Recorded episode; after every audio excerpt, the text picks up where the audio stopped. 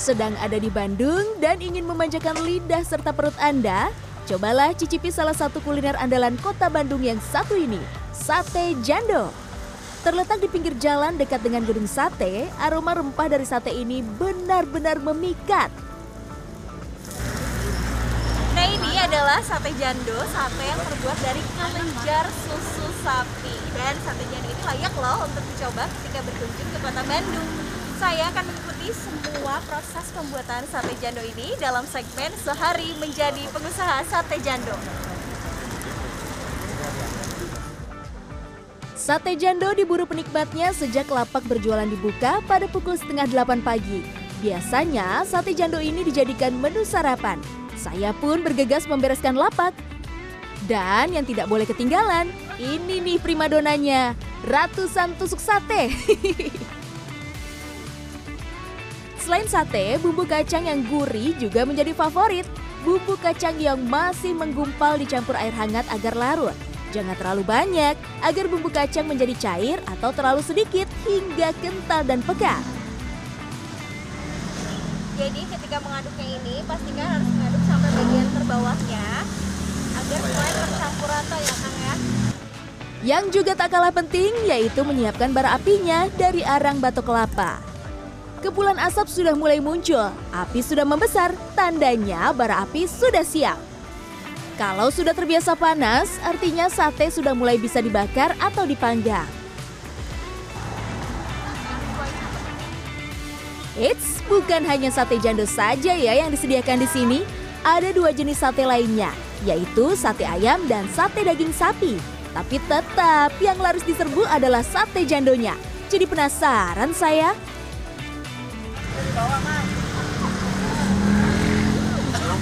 Berapa? Kamu apa? Saya pikir teksturnya akan lembut dan lumer di mulut. Ternyata teksturnya ini kenyal. Saya jadi penasaran kira-kira seperti apa ya proses pengolahan dari sate jando ini. Nah, ini dia kelenjar payudara ya Pak ya Iya. dari sapi yang siap untuk kita olah. Yuk Pak, Oke. dipotong-potong. Pertama-tama, jando dipotong menjadi ukuran kecil. Awalnya saya pikir jando yang digunakan adalah lemak-lemak yang biasanya menempel pada pinggiran daging sapi.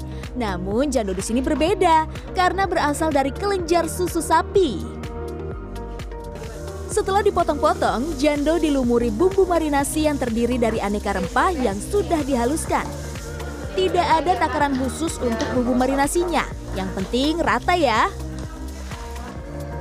Kalau sudah tak terlihat lagi warna putih jandonya, saatnya potongan jando ditusuk. Setiap satu tusuk sate berisi dua potong kecil jando. Dalam sehari, 5.000 tusuk sate ayam, sapi, dan jando diolah. Namun yang paling banyak adalah sate jandonya loh. Dari 80 kg daging yang diolah, 40 kg di antaranya adalah jando. Tanpa saya duga, ternyata jando lebih sulit untuk ditusuk dibandingkan daging yang lain. Saya pun diwanti-wanti untuk memperhatikan jari-jari saya karena khawatir tertusuk. Kamu kan tusuk gini pak, karena kan terlalu alot ya. Tapi malah jadi patah. malah patah tusukannya, dagingnya malah nggak masuk pak. Setelah sate siap, waktunya membuat lontong sebagai pendamping satenya nanti. Buat selongsong dari daun pisang. Kemudian masukkan berasnya setengah penuh karena nanti beras akan mengembang ketika direbus. Proses perebusan berlangsung selama 7 jam. Jangan lupa untuk menambahkan air setiap 2 jam sekali. Pastikan juga lontong benar-benar terendam air. Siapkan pula bumbu kacang yang menjadi pelengkap hidangan sate. Giling kacang tanah yang sudah digoreng. Untuk menambah cita rasa, siapkan jeruk purut segar. Setelah itu, campurkan kacang yang sudah dihaluskan dengan adonan bumbu. Nah, ini nih yang membuat bumbu kacang semakin gurih. Bumbu cair campuran cabai merah Tanjung, bawang putih, dan kencur. Jangan lupa taburkan hasil parutan jeruk purut. Aduk-aduk terus sampai merata ya, sampai tidak ada lagi bumbu kacang yang terpisah-pisah. Lontong sudah matang. Bumbu kacang sudah jadi, sate pun sudah siap. Saatnya berjualan. Ini dia sate yang sudah siap dibakar dan dipanggang, kemudian disajikan ke pelanggan. Sekarang waktunya saya melayani pembeli yang sudah mulai berdatangan. Pastikan stok sate cukup ya. Saya menyiapkan sekitar 200 tusuk sate dalam satu kali pembakaran ini. Nah jadi ciri-ciri dari sate jando kalau sudah matang nih Yang pertama adalah mulai mengeluarkan minyak-minyak ya ya. Bener ya. Dan yang kedua adalah warnanya sudah berubah menjadi agak kecoklatan dan agak transparan. Jadi tidak terlalu putih seperti tadi sebelum dibakar. Seperti 30 kira-kira seperti ini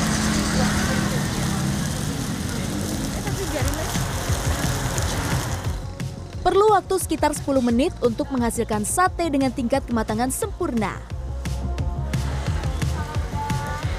Pembeli sudah antri.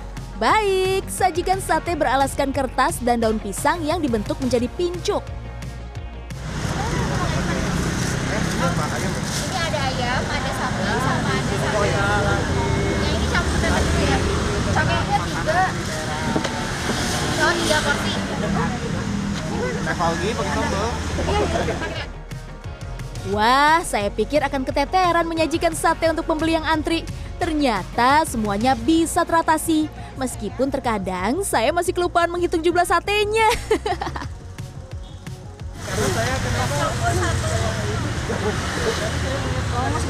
Nggak pakai jando Jadi sapi sama ayam aja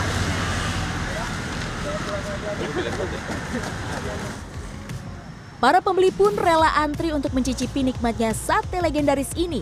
Sate Jando pun memiliki pelanggan setia.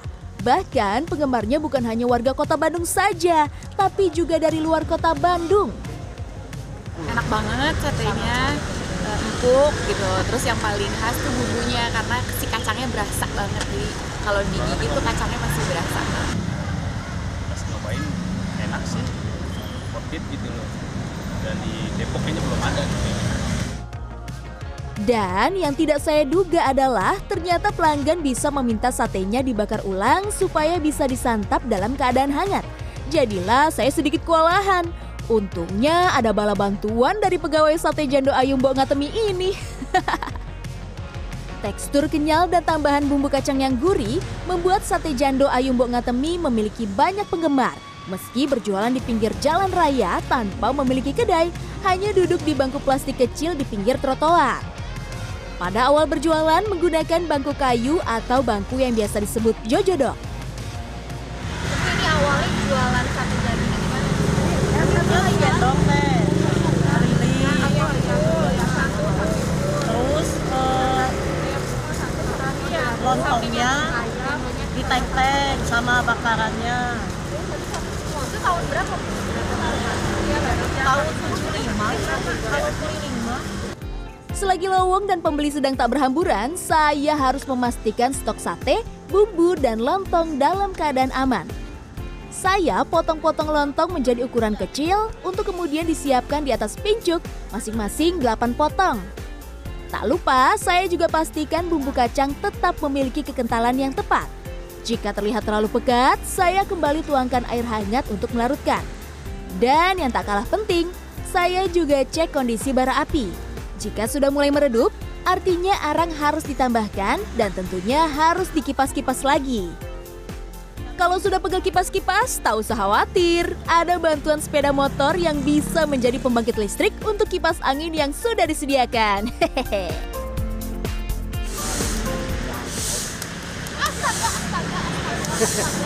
Apa dia meletek-letek? Arangnya belum matang. Bumbu kacang sudah, lontong sudah, bara api juga sudah. Sate juga harus disiapkan ya. Nih, kembali saya bakar-bakar satenya.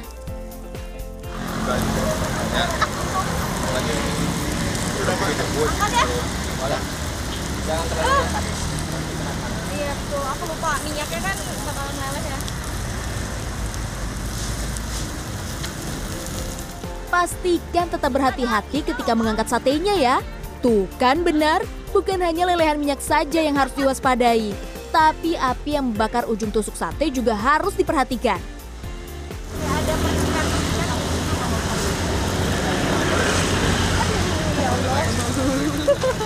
Tuh, si tetenya aja takut. Itu kenyamanan di sebelah sana.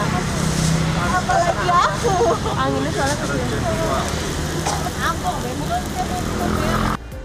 Setelah melayani pembeli dan menyiapkan menu sate jando ini, saya nggak kuat juga nih sama aromanya. Menggoda sekali, pengen makan.